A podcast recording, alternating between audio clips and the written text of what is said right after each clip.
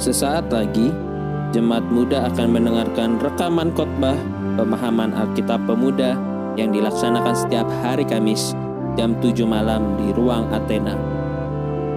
Dari GKI Kebayoran Baru, selamat mendengarkan.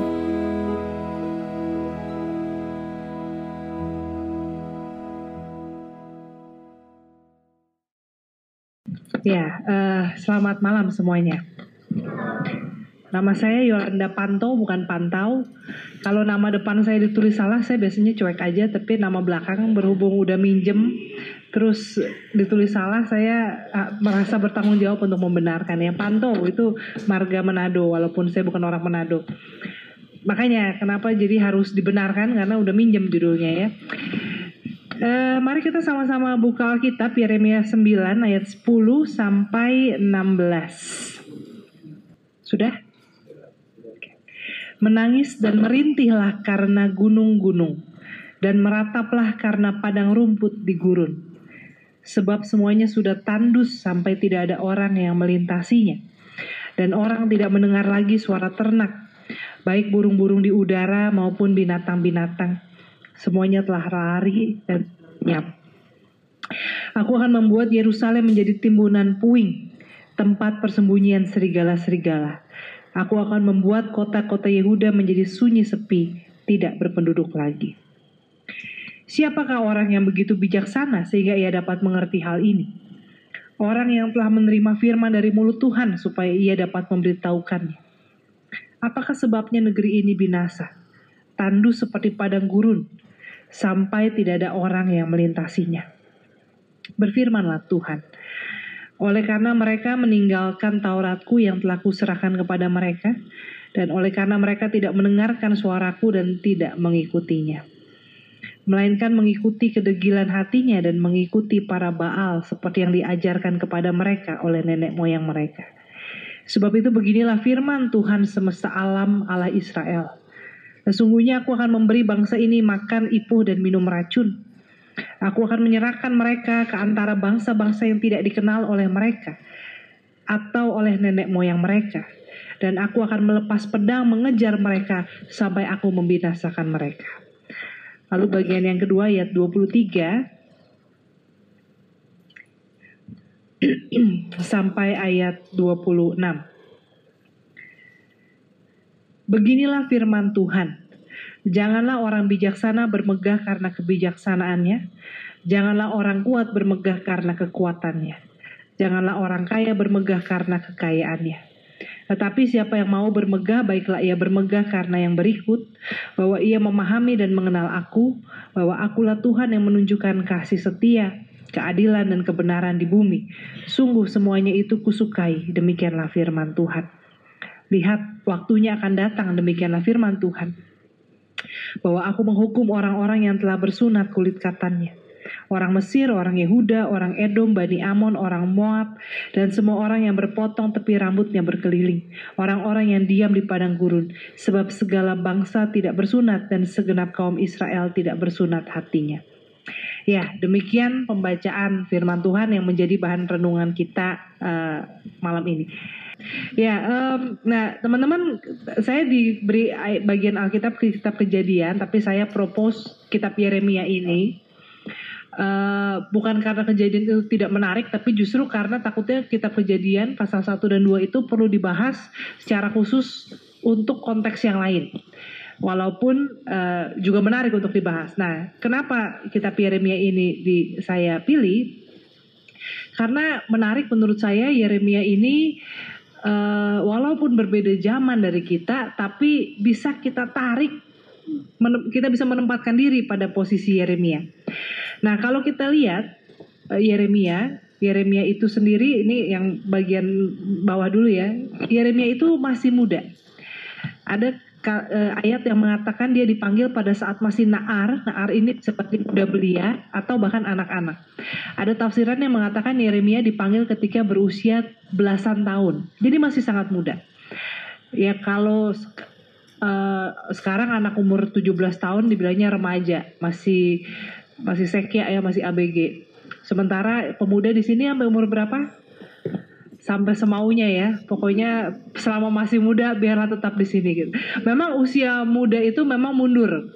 Bahkan kalau di PBB itu definisi kaum muda itu sampai umur 60 apa 65 tahun. Artinya usia produktif.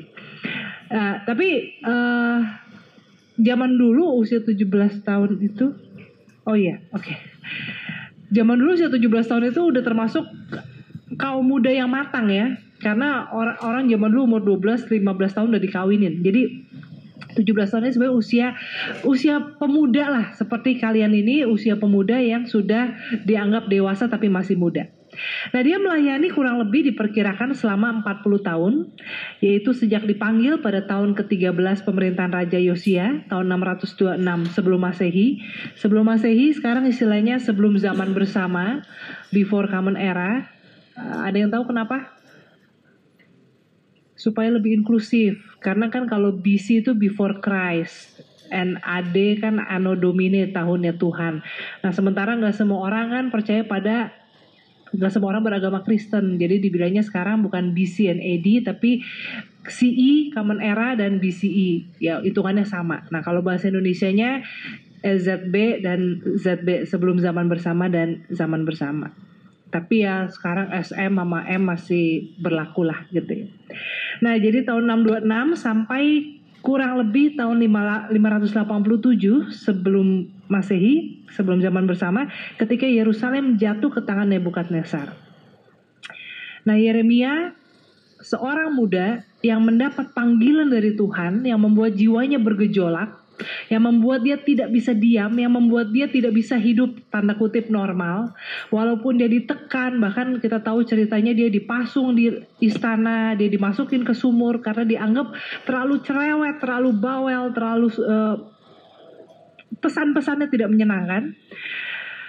Uh, tapi dia terus ya di tengah uh, di tengah kerajaan yang berganti-ganti di tengah politik yang bergejolak di tengah ketidakstabilan pemerintahan bangsa Israel dia terus bersuara.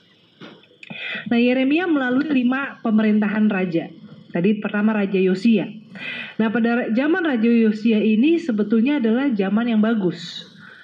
Kita tahu cerita Raja Yosia menemukan gulungan-gulungan kitab di bait Allah dan kemudian di situ bangsa Israel diajak untuk bertobat. Sayangnya pertobatan atau reformasi spiritual keagamaan pada zaman Yosia nggak berlangsung lama. Nah di sini teman-teman perhatikan ada satu hal yang menarik. Ketika gulungan kitab Taurat baru ditemukan pada zaman Yosia, artinya sejak zaman Yosua sampai Yosia, kitab Taurat itu yang disampaikan oleh Musa melalui oh, disampaikan Tuhan melalui Musa dicatat pada zaman Keluaran sampai masuknya ke tanah perjanjian tidak pernah dibaca lagi. Kenapa bangsa Israel sibuk perang? Ya kan zaman Yosua Yosua ya bukan Yosia zaman Yosua Abdi Musa mereka sibuk berperang dengan segala bangsa-bangsa lalu masuk zaman hakim-hakim ya ketika mereka juga sibuk kan diserang sana sini. Tidak ada uh, jadi jangan dipikir dari zaman dulu udah ada yang namanya ahli Taurat dan orang Farisi itu enggak itu baru zaman perjanjian baru ke sesudah mereka kembali dari pembuangan. Reformasi keagamaan baru zaman Yosia. Um, jadi kalau Raja Daud Salomo beribadah itu Waktu itu mereka mengenal 10 hukum Taurat, tapi gulungan kitab Taurat yang detil itu baru kemudian hari dikenalnya. Makanya yang ada dalam Mazmur, kitab Amsal, ya, kitab Pengkhotbah, kitab-kitab hikmat. E, tradisi lisan, nyanyian dalam peribadahan di bait Allah atau di e, rumah ibadah yang kemudian dituliskan itu yang ada. Baru zaman Yosia mereka menemukan gulungan kitab. Nah, ada sedikit reformasi keagamaan tapi cuma sebentar. Lalu kemudian penerusnya Yosia, Yoahas, ini raja bayangan dari Raja Neko, hanya memerintah tiga bulan dibuang ke Mesir. Lalu ada Yoyakim, yang ini dia yang jahat memusuhi Yeremia, membuat karena Yeremia mengatakan bahwa terhadap Babel dan Yoyakim nggak mau dengar itu. Lalu ada Yoyakin menjadi raja hanya selama tiga bulan. Lalu kemudian ada Zedekia, putra Yosia, bukan putra mahkota tapi putra yang lain. Karena ini Yoahas, Yoyakim, Yoyakin dianggap uh, memberontak. Jadi sebenarnya saat itu bangsa Israel itu ya, kerajaan Israel itu masa jayanya hanya pada zaman Daud dan Salomo. Pada masa Saul itu kan masih sibuk perang.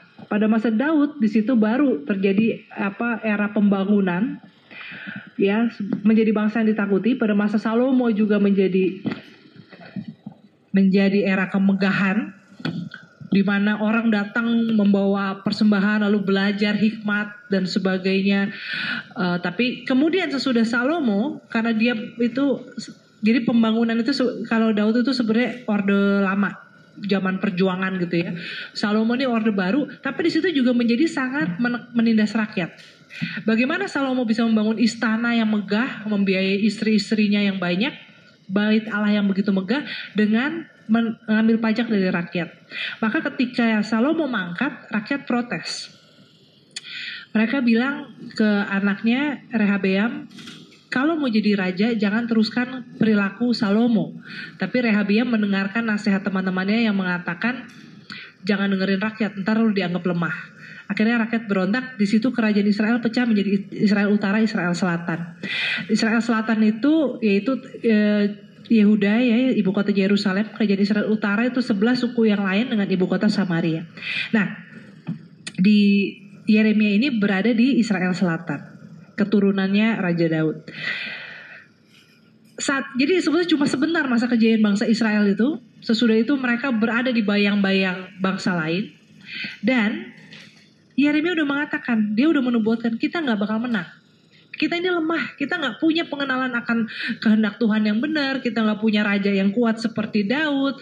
Pokoknya udah kocar kacir, kita sibuk dengan perang saudara dan kudeta satu dengan yang lain.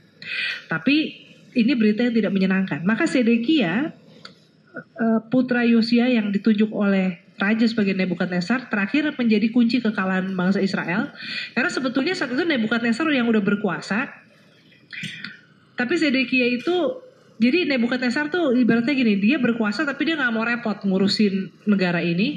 Dia pasti tunjuk orang lokal untuk menjadi pemimpin. Tapi Sedekia memberontak sehingga akhirnya Nebukadnezar turun tangan dan menyerang mereka. Di situlah bangsa Israel kalah dan diangkut ke pembuangan. Pesan-pesan utama Yeremia adalah yang pengertian tentang Allah yang berdaulat atas segala sesuatu yang menjadi sumber kehidupan. Kenapa ini begitu penting? Karena bangsa Israel sudah menyembah Allah-Allah lain. Maka pesan yang kedua adalah dia juga menentang penyembahan berhala sebagai ketidaksetiaan terhadap Allah dan bentuk percabulan. Diibaratkan Israel ini seperti istri yang tidak setia terhadap suaminya. Lalu dia juga mengkritik perlakuan buruk orang Yahudi terhadap budak-budak Ibrani. Jadi di antara sesama saudara saling diperbudak, maksudnya sesama saudara sebangsa, seketurunan Yakub ini, ketika yang saudaranya punya hutang jatuh miskin tidak mampu membayar sehingga akhirnya jadi menjual dirinya keluarganya dan menjadi budak bagi saudaranya dan ini dibiarkan perbudakan seperti ini. Lalu Yeremia juga melihat Nebukadnezar sebagai hamba Allah sebagai alat Allah. Dikatakan dia sebagai hamba Allah yang dipakainya dengan dipakai Allah dengan belas kasih kalau umat Yehuda mau merendahkan hati. Jadi dia memandang Nebukadnezar ini positif, makanya dia dianggap sebagai pengkhianat bangsa. Karena menurut dia bangsa Israel ini memang perlu dihajar, perlu dididik oleh Tuhan. Tapi kalau mereka mau merendahkan hati, maka Nebukadnezar ini akan menjadi tangan yang penuh belas kasih. Tapi kalau memberontak, memang akan binasa. Dan ada janji pemulihan bagi keturunan Daud bahwa Tuhan akan menumbuhkan tunas keadilan dan kebenaran. Nah jadi ini ya latar belakang kitab Yeremia, seorang muda ya walaupun gak muda terus ya habis itu kan dia 40 tahun kan berarti udah umurnya 50-an 60-an uh, tapi gitu ya seorang muda dengan suara yang sepi kesepian, suara kenabian yang seorang diri di tengah bangsanya, dan yang kadang-kadang dia sendiri juga mempertanyakan dirinya. Ya, coba bayangkan kalau kita harus meramalkan atau menyampaikan nubuat bahwa bangsa Indonesia akan hancur 30 tahun lagi gitu ya. Eh, bukan 30 tahun lagi, 2030 gitu ya. Tapi udah deh jangan ngomong situ ntar ini bias bias. Tapi gitu ya. Uh, itu bukan berita yang menyenangkan. Nggak jadi nggak nggak ngomongin capres dan sebagainya. Tapi ini ya, jadi uh, seorang muda di tengah bangsa yang dalam pergolakan politik. Lalu apa hubungannya sama ekologi? Apa urusannya? Nah di sini tadi kita membaca Yeremia 9 ayat 10 sampai 16. Dikatakan nabi dia menangis ya di sini di, tadi dibilang menangis dan merintihlah karena gunung-gunung merataplah karena padang rumput yang menjadi tandus. Semuanya tandus sehingga sampai tidak ada orang yang melintasinya lagi dan tidak ada lagi suara ternak baik burung di udara maupun binatang-binatang liar, binatang buas dikatakan kalau Alkitab bahasa Inggrisnya beast. Gak ada lagi suara, mau suara binatang ternak, binatang piaraan, binatang liar, burung di udara, yang melata, yang insek dan sebagainya. Dan dikatakan bahwa Yerusalem akan menjadi timbunan puing di mana dihuni oleh serigala-serigala. Ketika bangsa Israel memberontak tidak mendengarkan perintah Tuhan, mereka ini, ini hukuman yang mereka tanggung. Memang agak bedanya gini, ke kejahatan atau dosa ekologis manusia modern nggak bisa dibandingkan dengan dosa ekologis manusia zaman dulu. Zaman dulu orang nggak ada yang namanya pembakaran hutan secara massal. Ya. Orang mungkin menyiksa hewan, tapi untuk ritual keagamaan. Sekarang kita menyik, orang ada orang menyiksa hewan tuh buat senang-senang. Zaman dulu orang mungkin uh, buang sampah sembarangan, nggak ada daur ulang ya karena memang sampahnya semuanya organik gitu ya. Tapi sekarang ini dosa ekologis kita sudah begitu begitu besar, uh, begitu luar biasa. Nah, teman-teman memang saya lagi jadi nggak bisa dibandingkan pergumulan ekologis kita zaman sekarang dengan masa itu. Tapi saya mau meli mengajak kita melihat kita Yeremia ini ada sebuah krisis ekologi yang terjadi terhadap bangsa yang hatinya bengkok. Bangsa yang keras kepala, yang tadi ya, yang tidak mau mendengar seruan Tuhan. Bahkan ketika Tuhan udah menawarkan kesempatan bertobat dengan cara yang tidak enak, mereka tidak mau, ini yang terjadi. Dikatakan padang rumput, gunung-gunung merintih, padang rumput menjadi tandus. Ini adalah gambaran bumi yang meradang. Dan ini menjadi pergumulan kita di tahun 2019.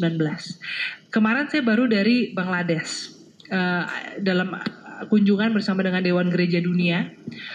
Uh, jadi kami itu kan tema World Council of Churches dari tahun 2013 sampai 2021 adalah Pilgrimage of Justice and Peace, peziarahan uh, keadilan dan damai.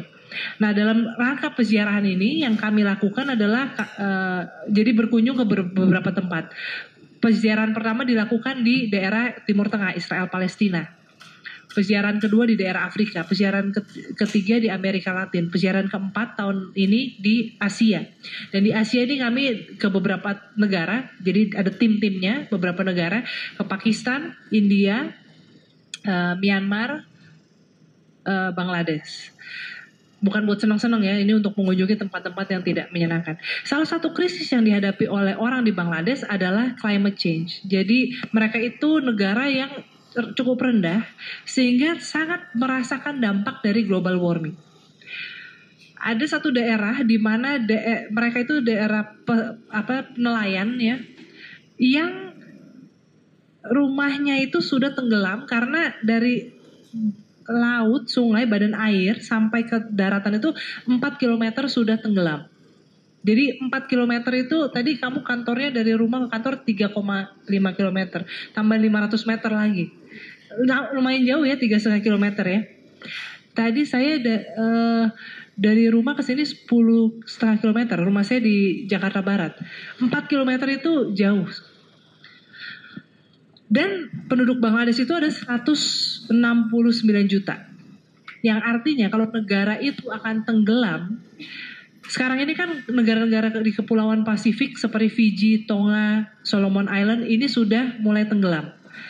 Makanya ada namanya Global eh, Climate Refugee. Mereka itu harus ngungsi karena daerah mereka udah tenggelam. Tapi penduduk-penduduk pulau ini nggak seberapa jumlahnya.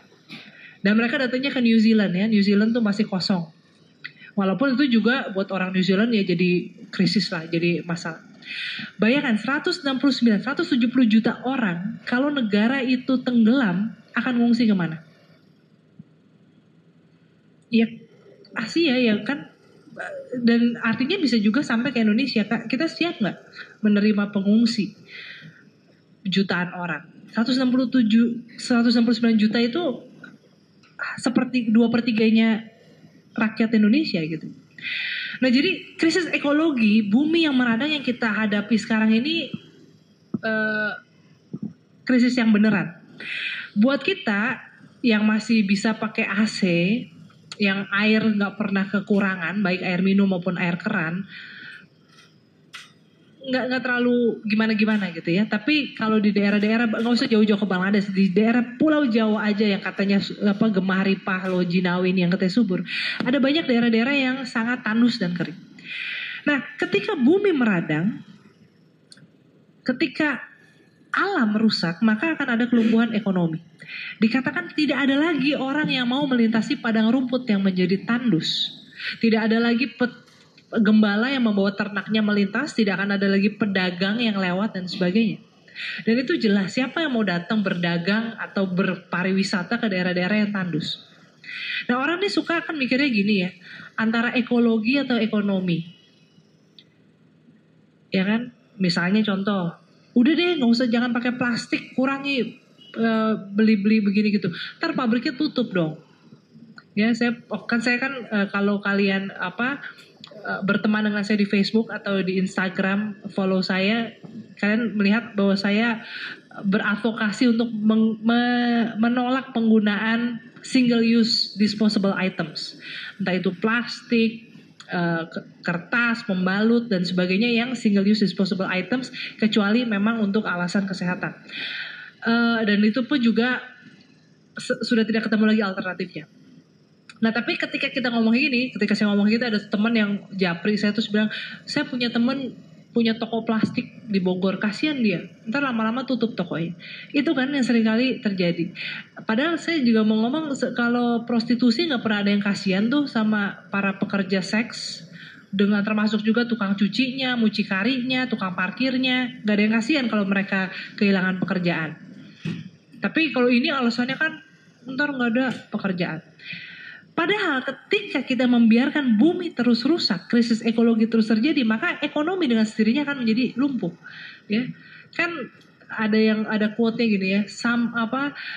Mungkin kalau manusia tahu bahwa kita nggak bisa makan duit, baru tahu bahwa kita perlu udara bersih, air bersih dan sebagainya. Nah lalu dikatakan suara ternak maupun binatang liar tidak terdengar lagi. Kepunahan spesies, gangguan ekosistem habitat. Mungkin kita berpikir ya biarin aja lah binatang ini yang punah manusia kan masih banyak. Tapi kalau binatang itu ekosistemnya tidak seimbang, maka ini akan mengganggu juga keberadaan kita. Contohnya misalnya uh, ikan hiu.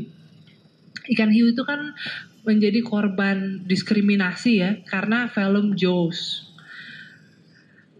jadi katanya manusia mati atau celaka dimakan hiu itu setahun berapa? Satu orang apa enam orang setahun. Dan berapa banyak hiu yang dibunuh manusia setiap hari ribuan.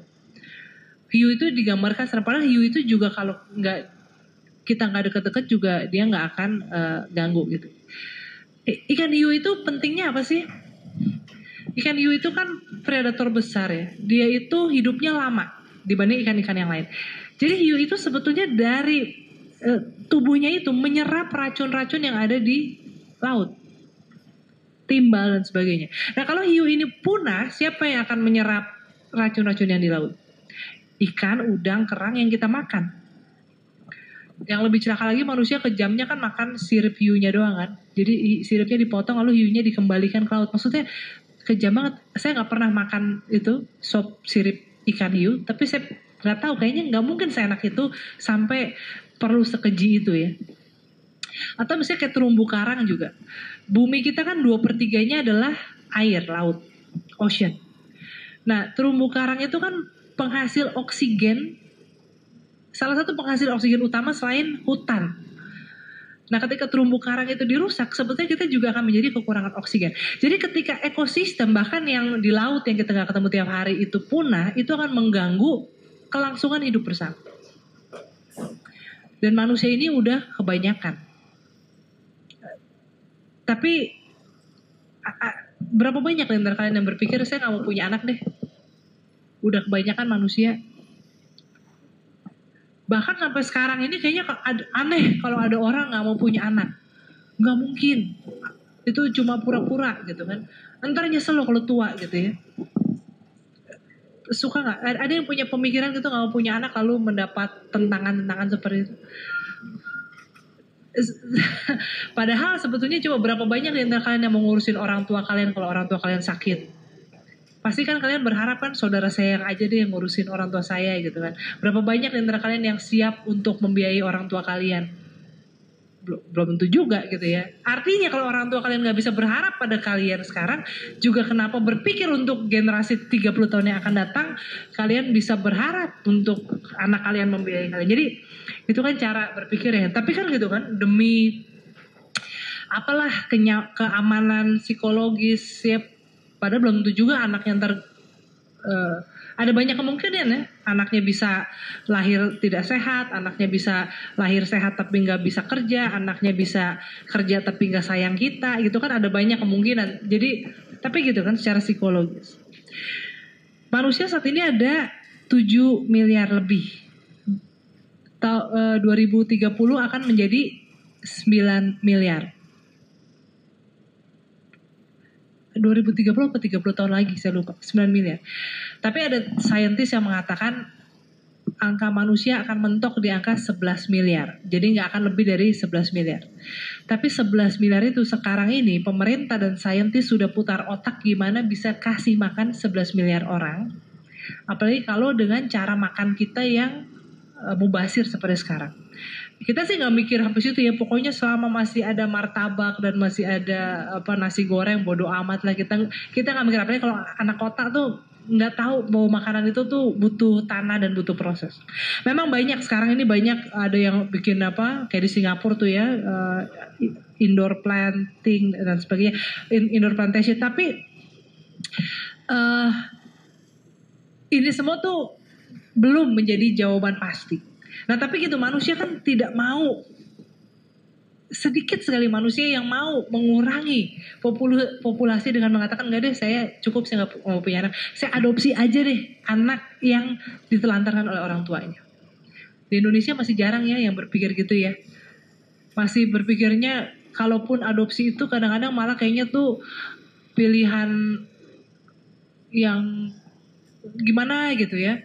Bahkan ada yang mengatakan buat anak pancingan dan sebagainya kok mancing nggak nggak tahu lah tapi begitulah. Itu keyakinan keyakinan yang tanpa kita sadari mungkin masih kita miliki. Nah dan kenapa di sini ya? Tadi kan saya bilang krisis ekologi sering kali orang membantahnya dengan bilang ekonomi penting. Padahal kalau ekologi rusak ekologi ekonomi juga akan terganggu. Dan orang suka mengatakan lagi dia tidak mau mengurangi cara hidupnya perkembangan biakannya juga karena survival of the fetus, kelangsungan spesies, kelangsungan nama keluarga, marga dan sebagainya. Ini bicara soal peradaban. Padahal dikatakan apa yang terjadi ketika krisis ekologi dibiarkan, ekonomi akhirnya rusak dan ekosistem terganggu, maka Yerusalem pun akan menjadi timbunan puing. Yerusalem pusat peradaban akan menjadi timbunan puing. Uh, teman-teman kita mungkin nggak ada yang berpikir begini, tapi misalnya ada uh, agama yang mengajarkan orang pengikutnya untuk beranak pinak sebanyak mungkin supaya agamanya makin banyak. Dan ini real. Dan bahkan kadang-kadang ada juga orang Kristen kita juga jangan mau kalah kita juga punya anak sebanyak banyaknya orang Kristen baru malas punya anak sih makanya kita kalah secara jumlah. Sekarang ini agama Kristen terbesar ya di dunia ya tapi dalam waktu beberapa tahun lagi karena orang Kristen nggak punya anak sebanyak orang Islam kita akan disusul tapi apa itu sih makna jadi Kristen dan makna beragama ya karena banyak-banyakan anak. Tapi ini ya, demi tidak punahnya our civilization, padahal ketika kita tidak memperhatikan keseimbangan ekologis, peradaban juga akan punah. Nah, ini kemudian ada satu lagi yang sering jadi uh, argumentasi. Terutama untuk orang-orang dari negara uh, flower country ya kayak kita kan negara berkembang. Sebenarnya bukan berkembang istilahnya sekarang ya, emerging countries ya. Jadi emerging itu apa tuh? Ya muncul dari sungai kan. Pokoknya inilah bersinar-sinar kita ya. Ketika dibilang untuk mengontrol uh, konsumsi kita, mengubah cara hidup kita, mengubah cara produksi kita, mengubah industri kita dan sebagainya, maka ini seperti ada, saya pernah baca opini di Kompas, tapi saya lupa penulisnya siapa. Dia katakan begini, ini seperti seorang ibu yang ngasih kue kepada anaknya, kakak dan adik. Masing-masing dikasih sama setengah-setengah. Si kakaknya karena serakah, nggak sabar, dia sudah menghabiskan kuenya. Ketika si adik mulai mau makan kuenya, lalu si kakak bilang, dek jangan cepet-cepet makannya, nanti habis. Makannya pelan-pelan aja karena tinggal segitu kuenya. Demikianlah argumentasi ini dikatakan yang merusak alam ini, yang bikin global uh, warming, yang bikin climate change itu adalah negara-negara maju. Negara-negara industri, negara-negara Eropa dan Amerika Utara yang sudah beratus, berpuluh-puluh tahun, berdekade-dekade menikmati kemajuan dengan uh, pabrik-pabriknya, dengan mesinnya, dengan mobilnya, dengan pesawat terbangnya dan sebagainya dengan biaya semurah mungkin dari negara-negara kolonial dengan brain drain ya orang-orang terpintar dari negara-negara miskin dibawa ke sana dan suruh mengembangkan teknologi mereka udah menikmati mereka yang merusak mereka yang menyumbangkan karbon footprint terbesar emisi dan sebagainya. Mereka yang salah. Kita ini baru mau mulai menikmati. Kita ini baru mampu pakai AC di rumah sekarang suruh patin AC pakai kipas angin. Kita ini baru bisa beli mobil sekarang suruh naik sepeda. Kemarin-kemarin kita jalan kaki nggak nggak fair ya. Nah ini yang ngomong ini pasti orang yang sangat percaya pada Tuhan karena dia katakan ya udahlah kalau mau kiamat kiamat lah gitu ya. Kan kalau orang yang nggak percaya Tuhan kan nggak mikir ada kiamat mau hidup selama lamanya jadi ya udahlah kalau kan kalian udah menikmati sekarang biarlah kami menikmati mobil yang cepat teknologi yang uh, boros energi dan sebagainya. Ya biarlah kami menikmati itu semua kalau bumi ini mau hancur hancurlah gitu. Atau kiamat sudah dekat Nah, permasalahannya kalau kita bicara tadi ya uh, Yeremia 9 ayat 23 sampai 26 tadi dikatakan pada akhirnya yang binasa itu bukan hanya bangsa Israel yang meninggalkan Tuhan tapi semua orang Mesir, Edom, Moab, Amon orang yang bersunat maupun yang tidak semuanya akan binasa. Dan sebetulnya apa benar kita siap kalau kita akan binasa. Dulu saya ingat waktu kecil ada buku ensiklopedi mengapa begini mengapa begitu. Kalian punya nggak? Mungkin kita seumuran nggak ya? Oh. Beda ya. Kalian udah mungkin kalian udah pakai iPad ya lahir ya. Nah di buku itu uh, saya ingat waktu itu Singapura itu sangat panas digambarkan orang kalau di Singapura pakai singlet, pakai topi, kepanasan dan panasnya bisa sampai 31 derajat Celcius. Dan kalau di Arab Saudi itu 40 derajat Celcius orang bisa masak telur di pasir. Saya ingat gambarnya seperti itu. Sekarang di Jakarta berapa panasnya? Berapa? 35, 36. Luar biasa kan? Berapa derajat? Dulu itu Jakarta, jadi dalam ingatan saya ketika itu Singapura tuh panas banget karena Jakarta tuh cuma 28, 29. Nggak, nggak sampai 31. Sekarang kita 28 tuh kerasanya udah pakai jaket. Ya kan? Karena kesempatan untuk bisa pakai jaket kalau nggak kapan lagi?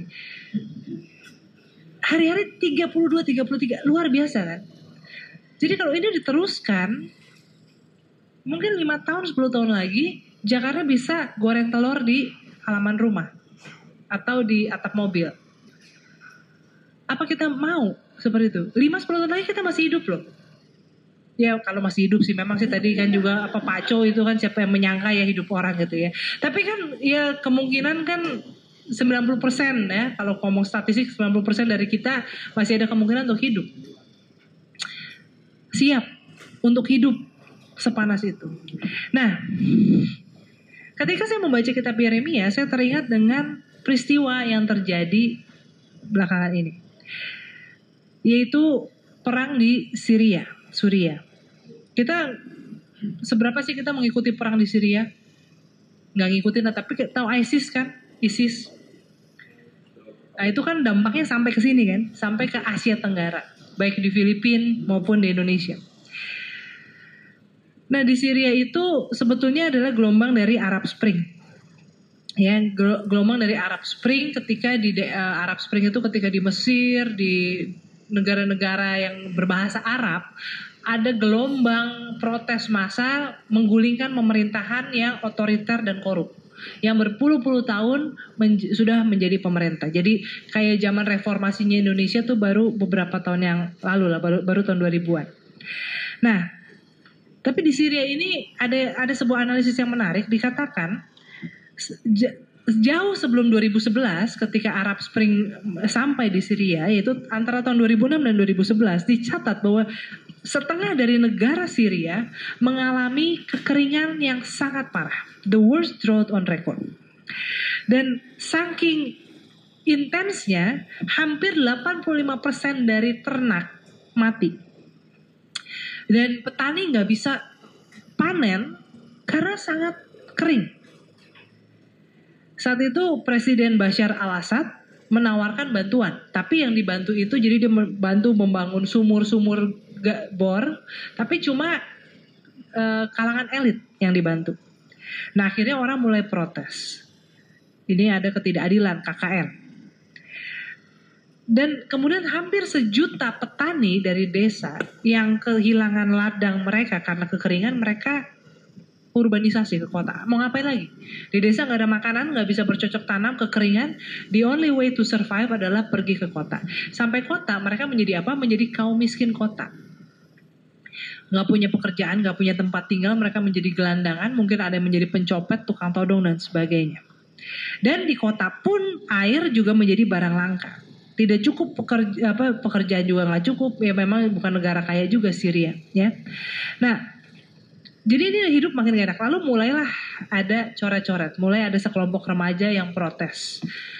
Lalu coret-coret di tembok. Remaja ini ditangkap. Lalu kemudian mulai protes ini menjadi lebih besar termasuk orang-orang yang terkemuka dari kalangan-kalangan atas ikut protes terhadap pemerintahan Nah, tapi pemerintah menghadapinya dengan otoriter. Ya, para pendemo ditembaki dan sebagainya.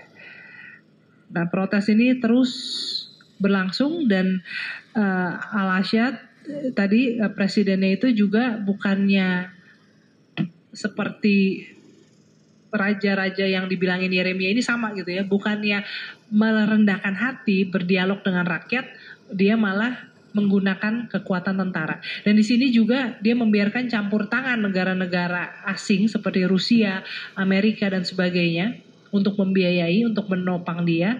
Di situ makanya muncul ada kelompok ISIS. ISIS itu kan Independent Syria Islamic State. Kurang lebih gitu ya. Coba ntar di Google lagi. Nah jadi dari sini sebetulnya.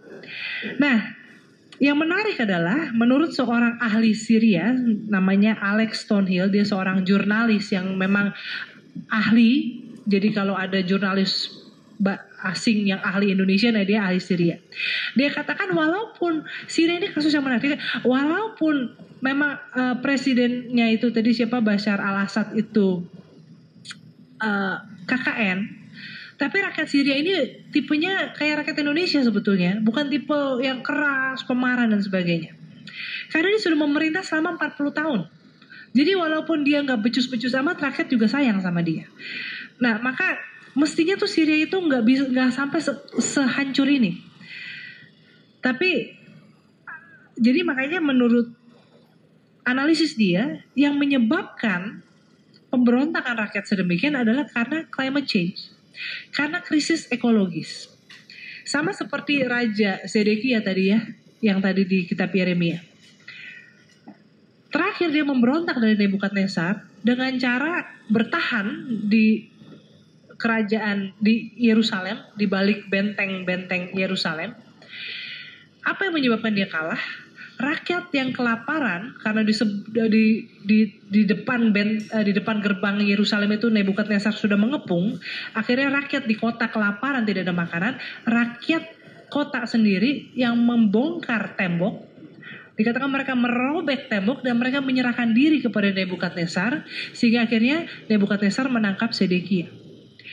Kalau bukan karena krisis ekologis tidak ada lagi makanan maupun air, maka rakyat tidak akan sebegitu marahnya. Nah, jadi di sini kita melihat ya, kalau kita membiarkan krisis ekologi terus terjadi dan kita sebagai orang muda tidak mau bersuara seperti Yeremia, tidak mau bertindak, tidak mau berkorban, maka kita ini uh, eh, ibaratnya ya nubuatnya nih sudah dilihat, sudah dialami oleh saudara-saudara kita di Syria. Dan apa yang di sini dikatakan kan bahwa di, uh, dikatakan bahwa mereka itu aku akan menyerahkan mereka ke antara bangsa-bangsa yang tidak dikenal oleh mereka. Aku akan melepas pedang mengejar mereka sampai aku membinasakan mereka. Yang terjadi rakyat Syria adalah ter, terserak-serak. Mereka harus mengungsi, menjadi pengungsi. Sampai jadi pengungsi pun juga ditolak. Tahu dong krisis refugee di Eropa? Ngikutin nggak? Ya kurang lebih ada lah ya ceritanya ya yang anak tenggelam itu yang ada anak kecil ter apa mayatnya tengkurap di pantai yang kayak begitu-begitu. Walaupun kalian mungkin taunya cuma selebgram tapi pasti ada lah ya kayak gitu-gitu nyangkut. Ada gak sih? Ada ya? Tahu ya tahu ya. Jadi saya nggak ngomong sesuatu yang apa out of konteksnya kalian. Nah kalau kita memang di Indonesia kita sekali lagi masih baik ya bahkan karena ini lagi apa ini ya memang ada yang bilang tempe tipis ada yang bilang apa makin rakyat makin makmur udahlah itu. Kita moga-moga 17 April fakta sudah kembali lagi ya. Up, data statistik menjadi benar. Sekarang ini nggak bisa dikutip karena nanti menunjukkan keberpihakan. Tapi kita jangan jangan merasa kita ini baik-baik aja. Karena apa? Kita hidup di kota kota itu selalu menjadi yang terakhir yang mengalami krisis Nah, kalau kita berdiam diri, tidak mau berbuat apa pun, tidak mau berkorban, maka ini bisa menjadi nasib kita juga. Nah, ini ada beberapa pertanyaan yang saya mau kalian diskusikan. Adakah krisis ekologi, ekonomi, dan peradaban yang dialami oleh bangsa Indonesia atau mungkin bangsa lainnya? Tadi saya udah kasih contoh bangsa Syria, kalian mungkin kepikiran bangsa yang lain atau uh, mungkin bukan bangsa lah, masyarakat tertentu. Tadi dikatakan karena kedegilan hati umat Allah. Karena orang bijak mengandalkan hikmatnya, orang kaya mengandalkan kekayaannya, orang kuat mengandalkan kekuatannya. Itu yang menyebabkan kehancuran bangsa eh, Israel. Seperti apa sih pertobatan yang harus kita lakukan? Kedegilan hati seperti apa yang kita miliki? Lalu tadi juga dikatakan yang aku inginkan adalah kasih setia, keadilan dan kebenaran di bumi. Bagaimana kita menerapkan, menerjemahkan dan menerapkan ini dalam konteks kita masing-masing. Ya, lalu rumuskan apa satu tekad yang bisa kita lakukan.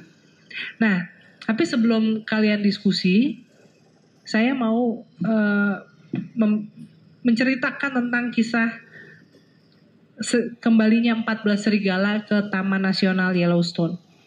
Tahun 95 ad, Taman Yellowstone ini udah gak ada lagi serigala, tapi tahun 95 14 serigala dikembalikan. Yang terjadi adalah keajaiban. Kenapa? Karena serigala itu mulai memburu rusa. Yang membuat populasi rusa menurun dengan uh, cepat, drastis. Nah, karena Eh, si rusa ini juga nggak mau mati, dia juga menghindari daerah-daerah yang ada serigala. Maka daerah-daerah yang tidak ada rusanya, karena rusa kan makanannya tumbuh-tumbuhan, biasanya tuh tumbuhannya nggak belum sempat berkembang biak udah dimakan sama rusa karena overpopulasi nggak ada predatornya maka mulai tumbuh lagi ya beberapa tanaman mulai tumbuh lagi dan mulailah uh, semak-semak pohon berkembang uh, berkembang. Ketika pohon dan semak-semak ber apa namanya berkembang tumbuh, maka beris tanaman biji-bijian juga nggak ikut kemakan, sehingga serangga pun kembali. Karena serangga dan tanaman biji-bijian datang, maka bebek pun dan unggas juga datang karena unggas makannya serangga. Tapi bukan hanya burung, bukan hanya burung dan bebek, tapi juga berang-berang. Nah, karena berang-berang ini bisa balik, maka mereka mulai bikin dam. Kan berang-berang kerjanya kan bikin bendungan kan, memang itu natur mereka. Karena mereka ada bendungan, maka ini mengundang kehadiran uh, cerpelai, ya uh, reptil, kadal dan sebagainya. Ini satu sisi. Serigala itu bukan hanya makan rusa, mereka juga makan coyotes. Coyotes itu apa ya? Ya hewan, betul. Ya. Oh hewan, iya hewan buas ya. Coyotes itu yang musuhnya si uh, roadrunner itu ya. Nah, seperti serigala, sejenis serigala juga koyotis itu ya. Nah, apa sih? Karena serigala ini makan koyotis, maka makanan koyotis yaitu si kelinci dan tikus berkembang biak. Karena mereka ini bisa berkembang biak, maka predator yang lain muncul yaitu uh, rubah uh, apa ya badger ya? Ya itulah ya sejenis itu ya. Uh, uh, apa sih? Aduh bejer tuh apa sih yang matanya hitam-hitam itu? Bukan beruk. Ya udah kalian tau lah ya pokoknya binatang itu binatang yang ini dan juga hoax. Elang bahkan ini hewan yang hampir uh, punah di Amerika ini yang menjadi simbol negara Amerika kembali muncul Nah, dengan adanya keseimbangan yang lebih baik antara predator dan mangsa, maka spesies-spesies lain juga muncul ya. Tadi tanaman-tanaman yang uh, keburu habis dimakan rusa bisa uh, tumbuh berakar, akibatnya erosi tanah juga berkurang. Dan karena erosi berkurang, maka badan sungai pun menjadi stabil, kanal-kanal menyempit, lebih banyak kolam terbentuk, dan uh, sungainya lebih bisa diprediksi. Jadi kehadiran 14 serigala ini bukan hanya memberikan habitat keseimbangan habitat yang baik, tapi juga mengubah geofisikal secara geografis, Geogra geografis secara fisik, secara fisik. Nah, makanya tadi saya katakan ya, ekosistem itu penting. Jadi kalau kita merasa biarin deh kalau kecoa sama nyamuk punah kan bagus ya. Tapi kita butuh kita mungkin bukan kita butuh nyamuk dan butuh kecoa, tapi ada yang membutuhkan mereka dan yang pada akhirnya kita butuhkan. Oleh karena itu, jadi kita nggak bisa mengabaikan. Tapi juga di sini ada satu harapan, satu tindakan kecil saja yang kita lakukan bisa berdampak besar. Jadi kalau kita berpikir, ah percuma saya bawa botol ya, eh kalian ngapain sih buka HP mulu lagi baca Alkitab atau lagi posting di sosmed? Ntar aja lah ya. Lagi ngapain? Lagi chatting ya? Ya, enggak, oke. Okay. Iya. Uh, jadi ketika kita merasa ah udahlah cuma satu botol plastik dari antara jutaan yang lainnya apa sih gitu ya. Enggak, setiap perubahan kecil ada pengaruhnya. Nah, oke, okay, sekarang saya beri kesempatan dulu untuk bertanya, teman-teman. Silahkan kalau ada yang mau bertanya sebelum kita masuk ke dalam diskusi kelompok. Ada yang mau bertanya? Atau mungkin diskusi kelompok dulu kali ya. Diskusi kelompoknya nggak usah gimana-gimana, cukup sebelah-sebelahan, bertiga, berempat. Beberapa pertanyaan yang tadi, empat. Yang pertama, apa sih krisis ekologi yang sedang kita hadapi? Nggak usah yang besar-besar kayak krisis tambang di apa gimana nggak usah. Tapi krisis ekologi kita hadapi yang real. Lalu apa sih kekerasan hati kita yang membuat krisis itu berkelanjutan? Bagaimana kita seharusnya menerjemahkan yang namanya kasih setia keadilan dan kebenaran di bumi? Dan juga tekad apa yang bisa kita lakukan? Oke? Okay? cukup jelas lah ya. Silakan uh, berkelompok-kelompok nggak usah lama-lama, lima menit aja supaya eh, nggak uh, satu arah gitu dalam percakapan ini.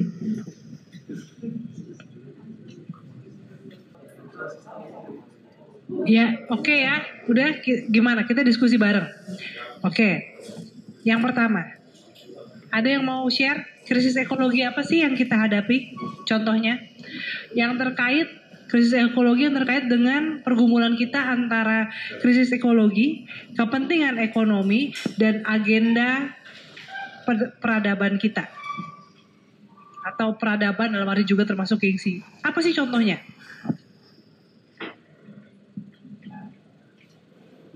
Iya Pak.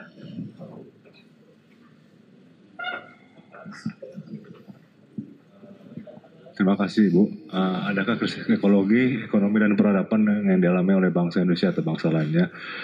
Kalau masalah uh, tiga aspek ini mungkin antara bangsa bangsa bangsa bangsa lain dan bangsa Indonesia mungkin berbeda.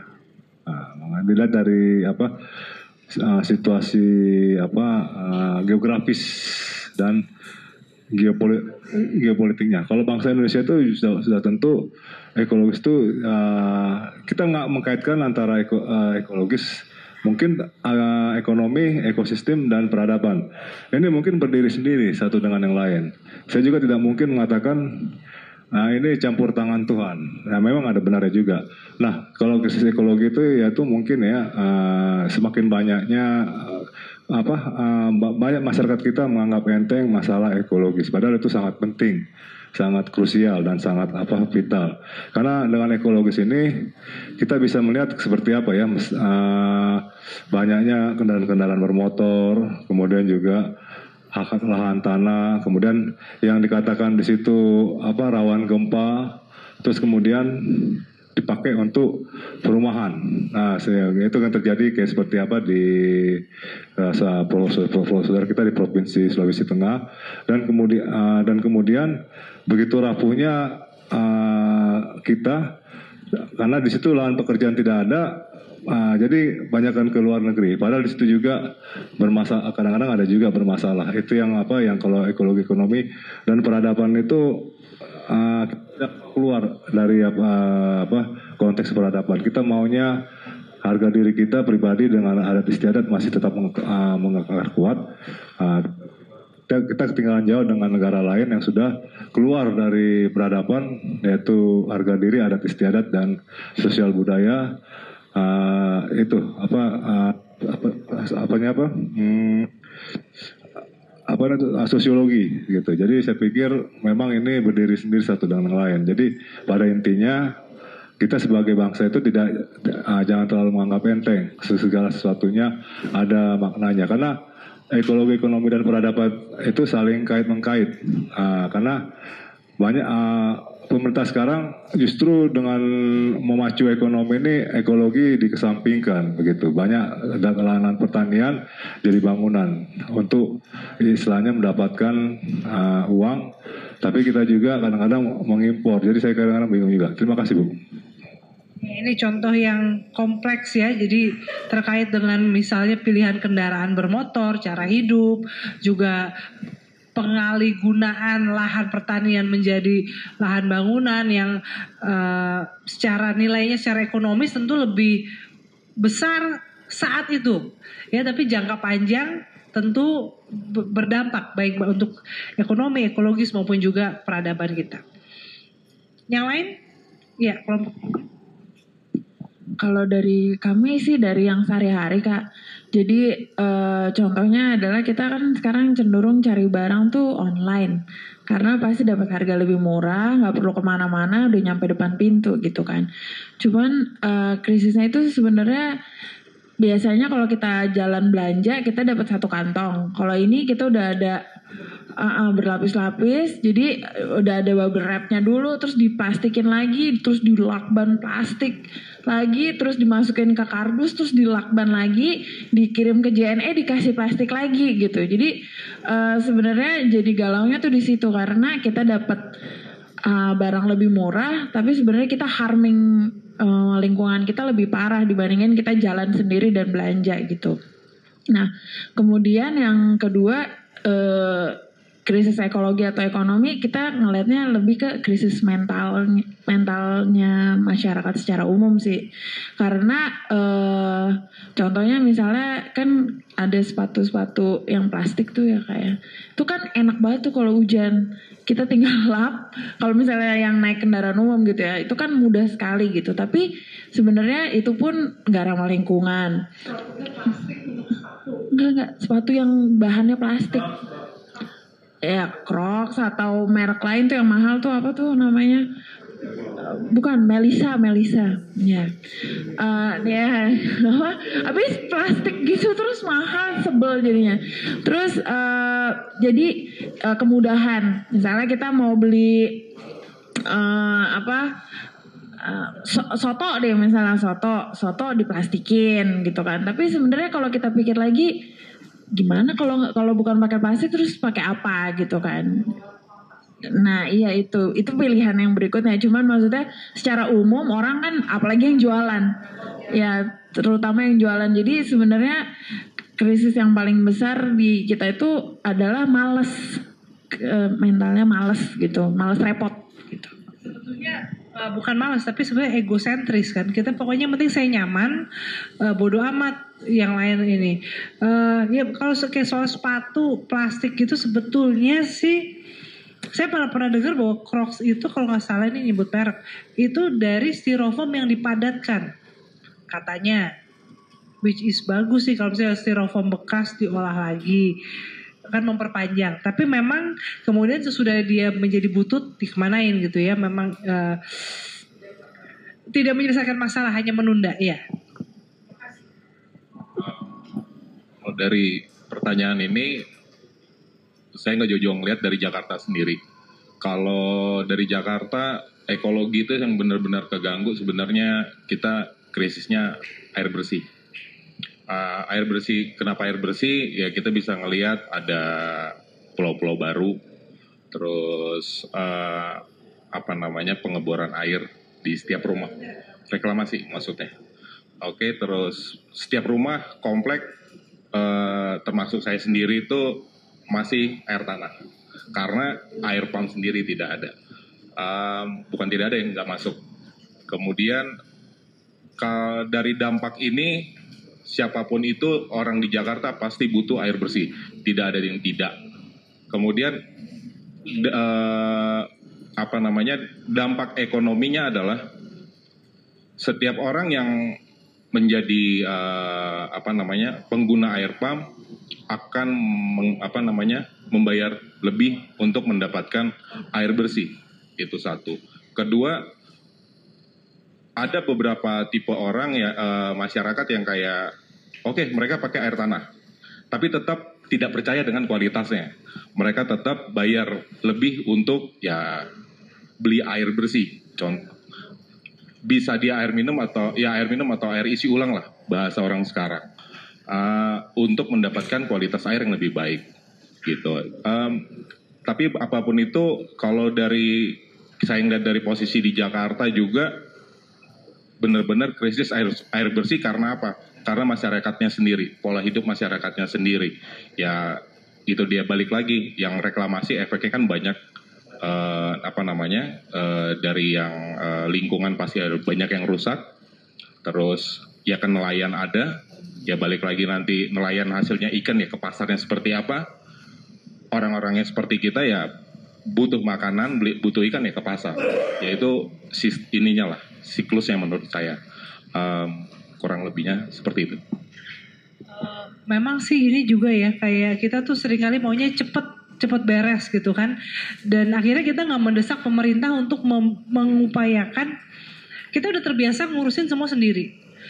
Kita nggak biasa mengandalkan pemerintah. Padahal kan sebenarnya tugas pemerintah menyediakan air bersih, air bersih sampai ke mana-mana. Akhirnya gitu kita pakai air tanah. Karena begitu ganti pump ntar mati ntar ya gitu. Terus eh, ya sama juga kayak misalnya air minum. Kita kan pakai air galon itu eh, pernah nggak lihat dokumentari desa babakan pari yang menjadi mata air untuk sebuah air minum yang biasa kalian minum itu? Di situ penduduknya itu tidak punya akses ke air bersih jadi mereka bahkan untuk minum pun mereka dari air yang kotor yang nggak layak untuk diminum. Kenapa? Karena ada privatisasi sumber air untuk kita. Karena kita eh, kan biar lebih gampang kita beli air minum dalam kemasan daripada kita mendesak pemerintah untuk mengupayakan air minum yang bisa diminum kayak di negara maju gitu kan. Ya, eh, dan ini memang krisis yang itu ya eh, nggak tahu susah siapa duluan yang harus mulai? Oke, kita pindah ke pertanyaan kedua ya, kecuali ada yang mau jawab pertanyaan nomor satu. Oke, A- ada yang pertanyaan nomor dua, kelompok ini. Iya. nomor satu. Oke, eh, Cik, Eh, kami eh, mau bahas soal Freeport. Jadi eh, Freeport itu yang kita tahu udah makan banyak apa namanya sudah memiliki perjanjian yang kita tahu bahwa selesainya pada tahun 2021. Yang krisis yang ada di sini yang kita mau bahas adalah eh, Freeport tersebut yang kita tahu sudah hampir eh, sudah cekung sekali tanahnya, sudah sangat-sangat merusak ekosistem yang ada di situ. Lalu apakah setelah selesai, setelah perjanjian itu sudah selesai, lalu eh, ya dari pihak US mungkin sudah balik kembali, apakah eh, Freeport tersebut akan diteruskan oleh eh, orang Indonesia atau tidak? Nah, pertanyaan lagi, apakah eh, ketika, eh, ketika si Freeport tersebut diteruskan kembali oleh orang Indonesia, masih banyak lagi eh, orang Indonesia yang memiliki krisis eh, mungkin dari sisi tools untuk mengolah hal tersebut, untuk mengolah si Freeport. Mungkin kalau kita ngomong sumber daya manusianya cukup. Mungkin eh, mungkin kemarin juga US sempat menggunakan eh, SDM dari Indonesia juga yang kita ketahui. Gitu. Tapi Freeport ini sebenarnya bukan cuma sekedar Amerika Indonesia, tapi Amerika Indonesia dan Papua. Walaupun Papua adalah bagian dari Indonesia. Tapi begini, eh, selama ini yang menikmati memang sebagian besar Amerika, Indonesianya pun juga bukan orang Papua asli. Orang Papua asli tetap terpinggir. Nah sekarang kalau secara ekologis kita akan bilang, emang udahlah cukup dikeruk terus buat apa sih? Itu kan tambang emas. Emang kita butuh emas buat apa sih? Udah cukup lah. Ya kecuali kalau nasi kita bisa makan. Emas kan udah nggak terlalu. Maksudnya kalau memang butuh mendingan cincin-cincin itu dijadiin sesuatu yang diperlukan untuk alat medis daripada perhiasan. Nggak usah. Tapi permasalahannya kan satu ya politik. Ini kan menjadi peradaban bangsa, kejayaan bangsa. Kita bisa menikmati hasil kekayaan. Seperti tadi contoh kue itu kan si adik dan si kakak. Dan orang Papua juga mengatakan kita kapan nikmatin kekayaan tanah kita. Berpuluh-puluh tahun dinikmati oleh bangsa asing, oleh saudara sebangsa yang bukan orang Papua. Dan sekarang dikatakan stop dengan alasan ekologis. Nah itu contoh yang sangat baik contoh di Papua. Tapi permasalahannya di sini juga kita bicara soal keadilan sosial. Orang Papua yang memang selama ini termarginalkan di tengah pembangunan bangsa Indonesia kan. Makanya ada wacana Papua mau merdeka dan sebagainya. Jadi memang kita lihat ini bukan hal yang mudah. Makanya menjadi Yeremia di tengah bangsa Indonesia menyerukan seruan pertobatan termasuk juga ekologis bukan hal yang mudah. Tapi ini satu contoh yang baik. Terima kasih. Kelompok ini mau nomor satu atau nomor dua? Sebenarnya nomor satu, nomor dua sebenarnya udah kita bahas juga ya. Itu kan contoh kedegilan hati maksudnya. Oke lah, jadi nomor satu, nomor dua dijawab bersamaan ya. Ya oke nih, mau jawab silakan. Oke, shalom, selamat malam. Iya, jadi kita pembahasannya sama sih pertambangan emas. Cuma ini kita diambilnya di Kalimantan Barat. Di Kalimantan Barat itu eh, khususnya itu di daerah Bengkayang dan Ketapang. Kalau di daerah Bengkayang itu pertambangan emas yang dilakukan oleh bukan malah pengusaha, tetapi yang di Bengkayang ini eh, masyarakat yang di situ. Jadi mereka tuh kayak eh, beli alat buat ini buat tambang emas terus mereka gali nanti berpindah-pindah tempat tapi eh, yang udah dikerok itu tidak ditimbun lagi menjadi eh, rawa-rawa terus kalau udah hujan sedikit udah banjir gitu. Terus kalau yang di Ketapang ini eh, dia oleh ada yang dari perusahaan ada juga yang dari masyarakat tapi yang di Ketapang dia lebih ke aliran sungai. Jadi kan kalau orang di masyarakat di kampung itu mem- memanfaatkan air air aliran sungai itu untuk nyuci untuk mandi bahkan ada yang buat eh, minum karena air yang bagus kan tetapi ketika ada pertambangan emas airnya itu jadi lebih eh, kotor lebih keruh jadi ya itu sih kak bicara di Kalimantan juga kita bicara soal sawit misalnya gitu kan. Sawit ini kan juga menjadi perdebatan. Orang Indonesia katakan yang mengatakan sawit itu buruk untuk uh, ekologi itu adalah orang barat. Karena mereka sirik. Indonesia yang punya yang punya apa namanya komoditasnya gitu. Nah, jadi dan ada juga yang mengatakan sama aja kayak misalnya kalau dibilang monokultur uh, di Swedia itu untuk IKEA itu kan mereka monokultur tanaman pinus. Jadi kita lihat ya bicara soal krisis ekologi itu selalu ada kepentingan-kepentingan ekonomi dan politik atau tanda kutip peradaban. Peradaban di situ dalam arti gini ya, kejayaan kita sebagai bangsa dan masyarakat ini tidak mudah. Nah, tapi apa sih yang uh, Tuhan mau? Ya di tengah ketidakmudahan ini untuk kita mengambil keputusan, bagaimana kita seharusnya sebagai anak-anak Tuhan menyuarakan apa? Bersikap apa?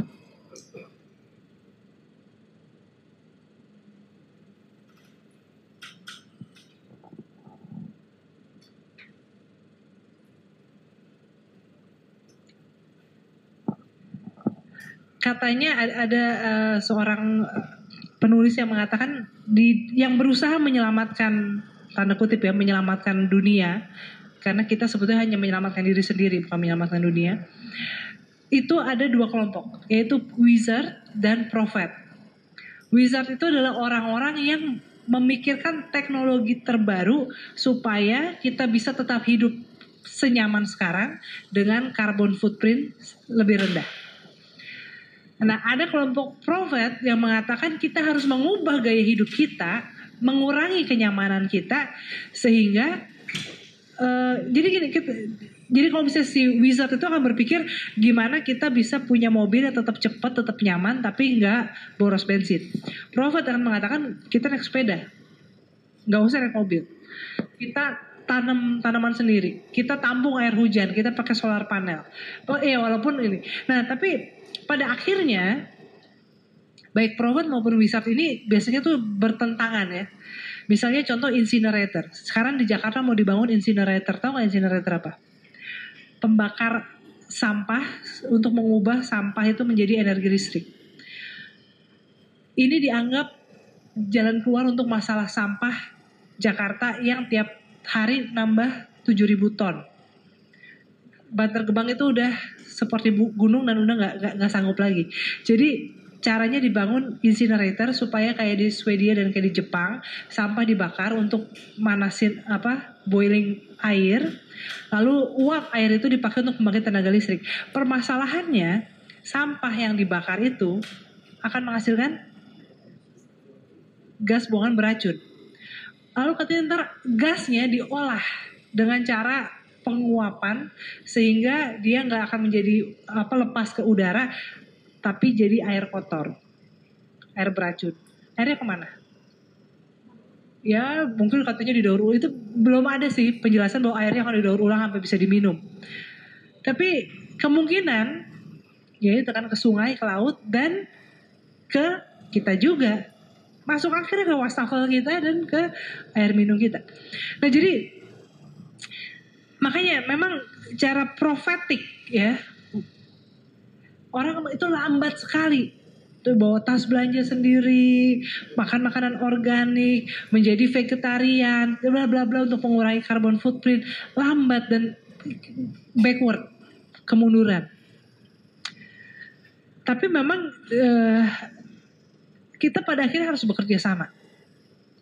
Jadi kalau dari segi kalah menang, kaum profet ini sih kalah dengan kaum wizard. Karena ini lebih gampang dan massal. Teknologi lebih dan lebih gampang kan, lebih enak bakar sampah daripada kita mesti bawa rantang ya, kita mesti meng mengolah sampah. Enak kan kita bakar aja jadi listrik. Tapi ada konsekuensinya. Nah, oleh karena itu, oleh karena itu bagaimana kita menerjemahkan kasih setia, keadilan dan kebenaran di bumi? Kira-kira nih teman-teman apa sih yang bisa kita lakukan, langkah-langkah apa yang bisa kita lakukan? Mulai dari diri kita sendiri. Apa yang, coba komitmen apa yang bisa kita buat?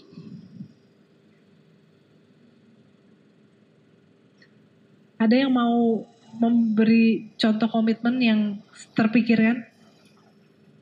Entah mungkin komitmen yang profetik ya karena kita kan di sini bukan dalam kapasitas sebagai saintis ya kita nggak menjadi wizard yang oh, saya mau menye- mengembangkan teknologi apa gitu mungkin nggak di situ ya. Tapi kira-kira komitmen profetik apa yang bisa kita buat?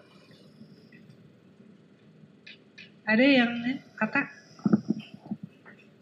Tadi sih kita uh, aku sama Tina tuh uh, sebenarnya punya kebiasaan yang sama yaitu kita punya tromol yang kosong di kantor yang kalau kita mau beli makan siang tuh kita bawa ke tukang jualannya. Jadi ibu ntar taruhnya di sini aja ya bu gitu. Jadi nggak nggak menggunakan uh, bungkus dari mereka gitu.